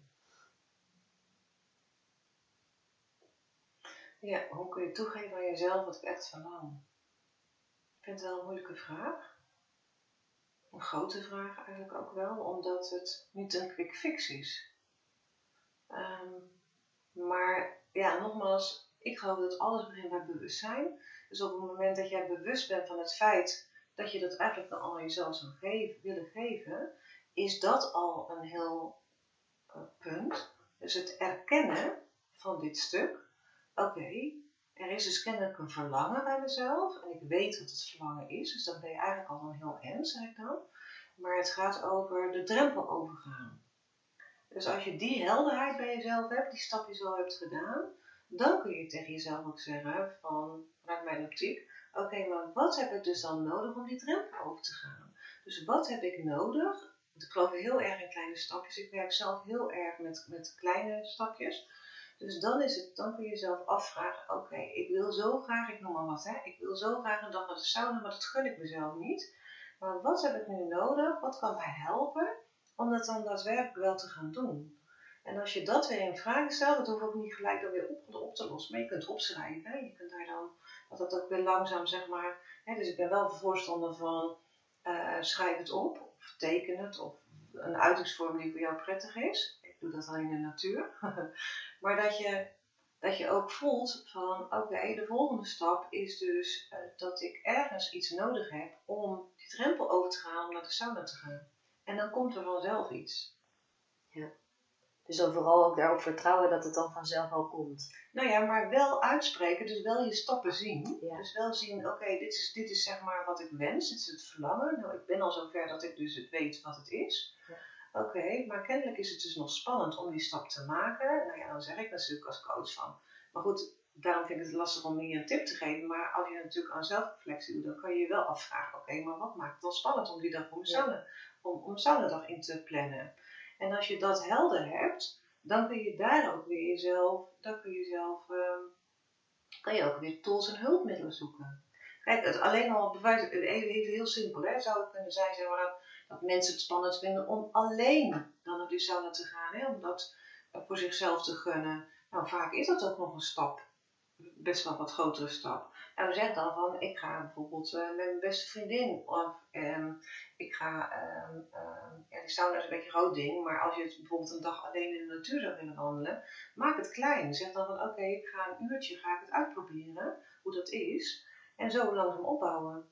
Ja. Ik geloof heel erg in oefenen en uitproberen, maar wel, maar wel doen, alleen met hele kleine stapjes. Dus je zelf ook niet de lat hoog leggen van, nou, nou moet ik een hele dag in de natuur als ik dit voorbeeld neem, dan zeg ik, oké, maar ik vind het te spannend. Nou, ik ga in ieder geval mijn schoenen neerzetten. Ik ga in ieder geval een kruis in mijn agenda zetten. Dat is natuurlijk ook al een ding. Hè? Dus je, je vrije tijd plannen. En ik ga een kruis in mijn agenda zetten. En ik ga die dag, uh, ga ik in ieder geval proberen om een blokje om. Of iets dergelijks, dan nog een blokje om. Ik maak nu heel klein. Maar vaak is dat, ja, in ieder geval de mensen die ik begeleid, is dat helpend. Ja, en ik, ik weet zeker ook voor de luisteraar dat dit heel erg helpend is, omdat je het juist zo klein maakt, maar daardoor wordt het heel erg behapbaar. Ja. En wat vaak zo is, als dat je um, iets wilt gaan doen wat buiten je comfortzone ligt, want dat is het eigenlijk waar we het mhm. over hebben, mhm. dan wordt het zo groot en dan maken we het in ons hoofd nog veel groter, waardoor je dus bevriest. En daardoor ga je dus niet die actie ondernemen. En juist om het in kleine stukjes te hakken, wordt het behapbaarder en kun je dan ook ja, eerder die stap zetten. Want het is helemaal niet zo'n grote stap om even een kruis in je agenda te zetten. En je schoentjes alvast klaar te zetten bij de deur. Ja. Dan wordt het opeens veel kleiner. Dus het is heel mooi dat je dit zo aan het destilleren bent. Want dit kan iedereen wel toepassen op elke situatie. Ja. Ja, dus, dus goed bij jezelf nadenken. Oké, wat heb ik nodig om die kleine stapjes uh, te faciliteren. Om uiteindelijk dat te gaan doen. Ja. En soms ook afvragen. Kijk, weet je, ik, uh, ik, ik moet nu denken aan aan, aan, een vuurloop die ik ooit heb gelopen. En dat vond ik echt rete spannend. Snap ik. en, uh, maar goed, dat, dat, was onderdeel van die training. Dat was onderdeel van het programma, dat wist ik wel. Maar ik dacht, nou ja, oké, misschien kan ik er onderuit. en die, die ruimte was er dus ook. Dus dat is wel grappig. Die ruimte was er ook. En, uh, en ook hierin weer, weet je, de mildheid naar jezelf. Want nogmaals, als ik die vuurloop had gedaan niet in samenhang met mijn gevoel, dus alleen maar met mijn hoofd, dan had ik hem heel anders gedaan dan wat ik nu heb gedaan. En wat gingen wij doen? We gingen heel de dag gingen wij dus een, een nep vuurlopen doen. Dus heel de dag gingen we voorbereiden op, oké, wat is je angst en wat zou er gebeuren? Wat zou er kunnen gebeuren? Wat heb je nodig? En dus, dus uh, we symboliseren ook uh, de lagen van die lange matten. En we symboliseerden dus ook van tevoren, visualiseerden dat we dus over die, over die kooltjes liepen. Nou, wat uiteindelijk dan resulteerde in dat ik s'avonds gewoon, nou ja, gewoon, bij mij hoor zeggen, maar dat ik over, die, over, die, over dat vuur liep. Terwijl ik geen blaren had. En, en de groep is dan, dat is wel even leuk om te vertellen, denk ik. Toen was ik zo euforisch dat ik dacht: wauw, ik heb het gedaan! Super gaaf! En ik dacht, nou, nou goed, weet je, dan ga ik gewoon nog een keer. En zo, met mijn hoofd. En ik ging nog een keer en, en ik had dus wel een blader. ja. Het was echt het hoofd dat vond van, uh, oké, maar dit gaan we nog een keer doen. Ja, maar goed, wat ik wil zeggen met het hele verhaal is kleine stapjes en voelen wat past voor jou. En de mildheid ook bij jezelf voelen van, oké, in mijn geval, van, uh, als die vuurloop aan het eind van de dag nog te heftig voelt, dan ga ik het niet doen. Maar dan heb ik in ieder geval al heel veel daarvoor al gedaan. Ja. En wat ik ook uit je verhaal hoor, is het visualiseren. En dan natuurlijk de positieve kant ervan visualiseren. Ja. En niet de negatieve kant. Nee. Nee. Dat is natuurlijk wat we al geneigd zijn om te doen als we denken aan iets in de toekomst dat we spannend vinden. Ja. Maar inderdaad dan dus die positieve situatie visualiseren. Mhm. En je, je geest die kan natuurlijk eigenlijk niet het verschil eh, beseffen tussen wat echt is en wat bedacht is. Want het voelt allebei even echt aan voor je lijf. Mhm. Dus dan is het maar beter om die positieve kant te visualiseren. Want dat helpt je dan om je beter te voelen. Ja. Als je eenmaal die situatie betreedt. Ja. Mooi. Mhm. Fijn dat je zoveel ook van die praktische tips hebt. Oké. Dat is ontzettend waardevol. Ja. Ja. hey, en ehm, we zijn nu al lekker eh, op gang in dit gesprek. Mhm. Is er nog een onderwerp waar je over wil spreken waar we het nog niet over hebben gehad? Hmm. Nou, volgens mij heb ik wel heel veel. het komt, er komt in ieder geval bij mij niks binnen. Volgens mij hebben we al heel veel gedeeld. Heb jij nog iets waarvan je denkt van nou, dat is nog datgene wat ik een beetje mis? Of waar je nog iets meer van zou willen weten? Hmm, nou, misschien is het wel interessant om het nog even over je opleiding te hebben. Want je volgt nu de opleiding transactionele analyse. Ja. Vertel daar eens wat over. Wat, wat, wat leer jij daar precies? Ehm, nou, ik vind het ook wel leuk om te vertellen dat het een, een vervolg is van eh, mijn driejarige opleiding eh, bij het Phoenix Instituut in Utrecht. Dat vind ik ook wel gaaf om te noemen, want dat is echt mijn lievelingsinstituut. Ehm, wat maakt het jouw lievelingsinstituut? Mm, ik vind dat ze sowieso veel kwaliteit hebben van eh, docenten, tenminste diegene die ik gehad heb. Ehm, maar het concept vind ik heel fijn van, ehm, dat, dat is van qua inhoud van de stof tot de gebouwen die echt heel mooi zijn vind ik en zorgvuldig ingericht. En dus de enorme zorgvuldigheid, dus ook het tussen de middag verse soep dat die ochtend bereid wordt. Ehm, eh, je wordt helemaal gezien en gehoord wie je bent. Je kan je, je, kan je eigen proces volgen. Als je meer wil doen, dan doe je meer. Als je zeg maar, aanwezig wilt zijn in de, in de lessen en ehm, verder ehm, nou ja, je eigen tempo. Ehm, ja, eigenlijk heel veel om op te noemen. Ja, de, de, het mens zijn, het mensbeeld, de holistische aanpak. Het ja, voor mij helemaal kloppend. Klinkt als een volledige opleiding. Die drie jaren, eh, eh, wat ik net zei bedoel je? Ja, met aandacht op alle vlakken. Dat bedoel Ja. ik met volledig. Ja, Ja. zeker. En die driejarige opleiding die bestond uit eh, NLP, en, uh, Neuro-Linguistic Program en eh, systemisch werk en TA, dan transactionele analyse. Dus ik heb daar al drie jaar zeg maar eh, mee gestoeid. En nu, eh, het is ook wel een grappig verhaal eigenlijk, want eh, in die sabbatical heb ik ook nog twee maanden gereisd. En ehm, ja, En niet zomaar gereisd. en niet zomaar gereisd. ook een beetje mijn innerlijke reis meegenomen. En, ehm, en toen dacht ik op een gegeven moment, ja weet je, ik zie zoveel eh, cliënten die bij mij komen rondom het aangepaste kind en de pleaser, in de pleasersrol zitten. Ehm, laat ik eens googelen, want dat, dat is wat ik dan altijd doe, weet je. Dan springt, er een zin op, een woord op, of gewoon, dan ga ik lekker googelen van wat is daar over te vinden. En toen had ik aangepast kind had ik, eh, ingetypt en toen kwam dus transactionele analyse naar boven. En toen dacht ik, ah weet je, daar, ehm, ik wil gewoon meer. Dus er is een masterclass, dus een half jaar, na die driejarige opleiding eh, nu van TA. En ik heb me gelijk vanuit Italië ingeschreven. dus ehm, die opleiding wat hij mij geeft, ehm, ja, is nog meer verdieping, nog meer inhoud, nog meer kennis ten aanzien van mijn coaching. Ja, en natuurlijk ook voor mijn eigen proces. Maar dat gaat voor mij heel vaak hand in hand. Mhm. Ja. En wat is iets wat je recentelijk hebt geleerd, wat je weer een nieuw inzicht heeft gegeven? Mm. Nou ja, transactionele analyse gaat over communicatie tussen mensen tussen, en, en vooral veel wel in groepen. Dan werk ik natuurlijk één op één, maar ehm, ehm, zij, zij ja, verdelen het onder in de oude rol, de volwassen rol en de kindrol. En in die oude rol, uh, als je zeg maar, reageert vanuit de oude rol, dan reageer je ook een beetje vanuit de stemmen die je ooit meegekregen hebt van je ouders of van andere opvoeders. En de volwassen rol is datgene, zeg maar, wat eigenlijk een soort van neutraal is en waar je naartoe gegroeid bent. En die, die, die K, die kind, dat is de, uh, nou ja, de rol vanuit je, vanuit je kindstuk. En dat kan dus zijn, uh, daar heb je ook weer een onderverdeling in. Het kan dus ook, heten de kleine professor. Dan ben je als kind, zeg maar, een soort van je ouders aan het napraten. En nou, ik vind het gewoon leuk om al die verschillende rollen uh, te zien. En, um, en mijn, mijn, mijn leermoment zit natuurlijk wel in het feit van, oké, om dat ook te gaan herkennen bij cliënten. Maar dat is nog wel, ja, dat is nog wel even oefenen, want er zijn best veel van die rollen. En, uh, maar goed, ook dat laat ik los en uh, ik ben in het leerproces. En het recente inzicht voor mezelf is wel dat ik in sommige situaties, zeg maar, dus vanuit die kindrol redeneer of, of, of reageer. En uh, bijvoorbeeld tijdens het oefenen, uh, uh, zeg maar bij Phoenix, tijdens de, tijdens de opleiding, moet je natuurlijk oefenen. En ik merk dat ik het dus dan heel spannend vind om in de begeleidersrol te zitten.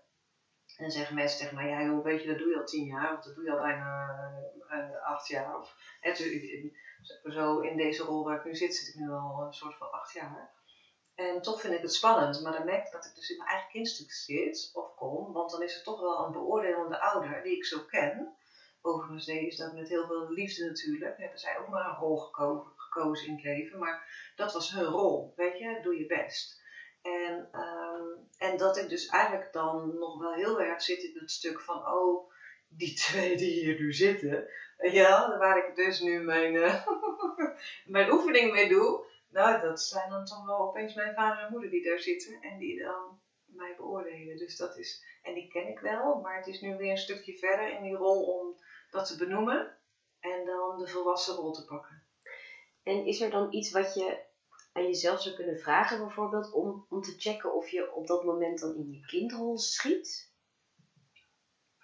Mm. Of, ja, heb je daar... Het is, ik denk dat het meer zo is, tenminste voor mij, dat um, dat ik dan, dat checken, dat bestaat voor mij dan uit uh, weer langs mijn gevoel en mijn hoofd. Dus oké, okay, wat voel ik nu? Nou, ik voel dus dat ik bevries, dat ik wegzak. Wat zegt mijn hoofd ervan? Mijn hoofd zegt, die kan het niet. Weet je, en dat is voor mij dan een, een, een wake-up call. Oké, okay, we zitten er weer. Adem in, adem uit. En met we zitten er weer, dan bedoel je... Bij het. Ja, want dit is niet de volwassen ik die Dit is niet de volwassen ik. Nee. En dan ga ik weer terug naar het hier en nu. Want het is, het is iets wat in het verleden is gebeurd. Het is niet nu. En nu zit ik in de setting, of daar zit ik dan in de setting. Oké, dit is gewoon een oefensessie. Ik ben hier, zeg maar, niet in mijn officiële begeleidersrol, maar ik ben aan het oefenen. En deze mensen zijn ook aan het oefenen. En noem maar op. Dat. Ja. Dus eigenlijk innerlijk tegen jezelf praten. Maar bij mij helpt het natuurlijk dat, ja, dat ik het met hun kan delen, omdat zij snappen wat het onderdeel is van het geheel. Ja. Ja. Is dat een beetje antwoord op je vraag? Ja, zeker.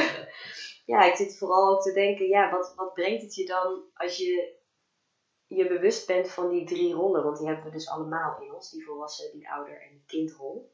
En ik kan me voorstellen, want ja, we hebben dus, iedereen heeft die drie rollen in zich. En als die een beetje tegen elkaar gaan praten, dan, dan ben je niet wie je werkelijk bent. Mhm. Omdat je dus ergens voor een deel blijft hangen in het verleden bijvoorbeeld. En dat als je je bewust wordt van die drie rollen, dat je dan ja, uiteindelijk je volwassen zelf kan zijn. Kan ik het zo goed concluderen? Mhm. Dat je dan bewust bent van hé, hey, dat is uh, de kinderrol die nu opkomt, dat is de oude rol die nu opkomt, maar dat is niet wie ik nu ben op dit Mhm. moment. Mhm. Maar ja, weet je, het is oké, want, want eh, pff, we schieten natuurlijk, ook wij tijdens dit gesprek, eh, van ouder naar volwassen naar kind en, en, en weer van kind naar volwassen naar ouder. Weet je, dus eh, that's life.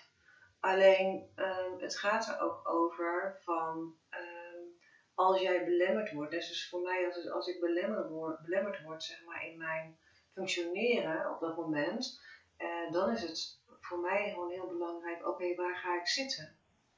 En ehm, eh, wat ik nu denk in deze wereld, wat er nu gebeurt uh, rondom het corona gebeuren, zie je natuurlijk ook ehm, dat mensen gaan zitten in, in kindstukken of in, in ouderstukken. En die ken ik ook, weet je wel, in, in het ouderstuk om dan toch um, maar een beetje te gaan zeggen hoe het eigenlijk zou moeten zijn. En dat is, dat als, kijk, als je het vanuit de volwassen rol vertelt, um, dan is het ook weer, als we terugkomen op, op onderdelen waar we het ook al over hadden, dan is het vanuit liefde voor jezelf, voor de ander. Maar als het vanuit een ouderstuk is, dan kan er ook een lading zeg maar, meekomen van datgene wat jij ooit zelf hebt ervaren. En dat je je gelijk moet hebben of zo. En dat is natuurlijk niet verbindend. Dus op het moment dat je bewust bent van vanuit welke positie je dat doet, dan, uh, ja, dan kun je terug naar de volwassen rol en dan kun je terug naar de verbinding. Ja. En dat maakt het uiteindelijk makkelijker. Ja, dat vind ik wel. Voor mij wel. Ja. En, maar dat, ook hier gaat het natuurlijk ook weer over. Als je daarvan bewust bent, dan kun je daar pas wat mee doen. Maar als je daar niet bewust van bent, dan kan je er ook niks mee doen. En ook nu weer, dat is ook oké, want dat is hoe het is. Ja. Ja, dus het begint toch weer bij die bewustwording. Ja. Ja. ja. Ja. ja. Ja, mooi. En ik, ik hoop dat met deze aflevering dat, dat de luisteraar zich ook weer iets bewuster is geworden van zijn, eigen, zijn of haar eigen patronen en ja, wat er van binnen gebeurt. En Mhm. dan wat er dan van binnen gebeurt, hoe je dat dan weer kan vertalen naar je leven in de buitenwereld. Ja. Mooi samengevat. Ja. Ja. Mooi. Ja. Nou, er zit er vast iemand te luisteren en denkt, goh Marianne, ik wil toch wel eens even weten hoe ik bij haar, eh, met haar in, in, eh, in contact kom. Waar kunnen ze jou online vinden? Nou, ze kunnen mij vinden, je kan mij vinden onder www.marianbuis.nl En dan eh, kom je op mijn site en eh, nou ja, dan zie je dus wat ik te bieden heb. Nou, Ja. En natuurlijk op Instagram sta ik onder eh Marian Buis Coaching aan Zee. En Facebook sta ik onder Marian Buis alleen, geloof ik. Ja. Facebook is niet zo, daar, ben ik, daar ben ik niet zo heel erg eh, hoe het? Eh, actief op. Maar Instagram doe ik iets meer. Ja. Dus Instagram of je website. ja, en je kunt me natuurlijk altijd mailen met uh, mbuis.zeelandnet.nl ja, dat Zeelandnet moet er toch, dat Zeeland moet er een beetje terug in komen. Tot weer. ja. Goed, dan mijn laatste vraag. Mm. Wat betekent zelfliefde voor jou?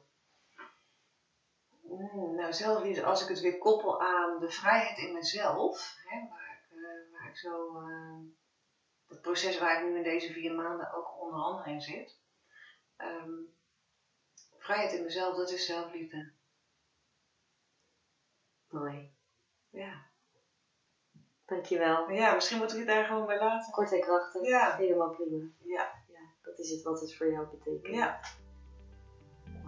Dankjewel voor dit gesprek, Marianne. Ja, jij hartstikke bedankt, uh, Jasmin. Ik vond het een feest. Ja, ik ook. Sowieso om je weer te zien en om dit gesprek samen te doen. Dat vond ik ook. Dankjewel. Jij ook. Als je dit hoort, dan betekent het dat je deze aflevering helemaal hebt afgeluisterd. Dank je wel daarvoor. Ik ben benieuwd welk nieuw inzicht jij hebt opgedaan en welke eerste stap jij gaat zetten om dit inzicht te integreren in je leven. Laat het me weten in een persoonlijk berichtje op Instagram de Liefdesbrigade. En ook als je nog even met iemand wil sparren over die eerste stap, dan kun je bij me terecht. En vond je deze aflevering waardevol? Abonneer je dan nu op deze podcast, laat een fijne review achter bij Apple Podcast en deel hem met je omgeving. Zo help jij de zichtbaarheid van de Liefdesbrigade te vergroten en krijgen anderen het gevoel dat ze de innerlijke reis niet alleen hoeven af te leggen. Laten we samen de wereld lichter maken en liefde verspreiden door liefde te zijn.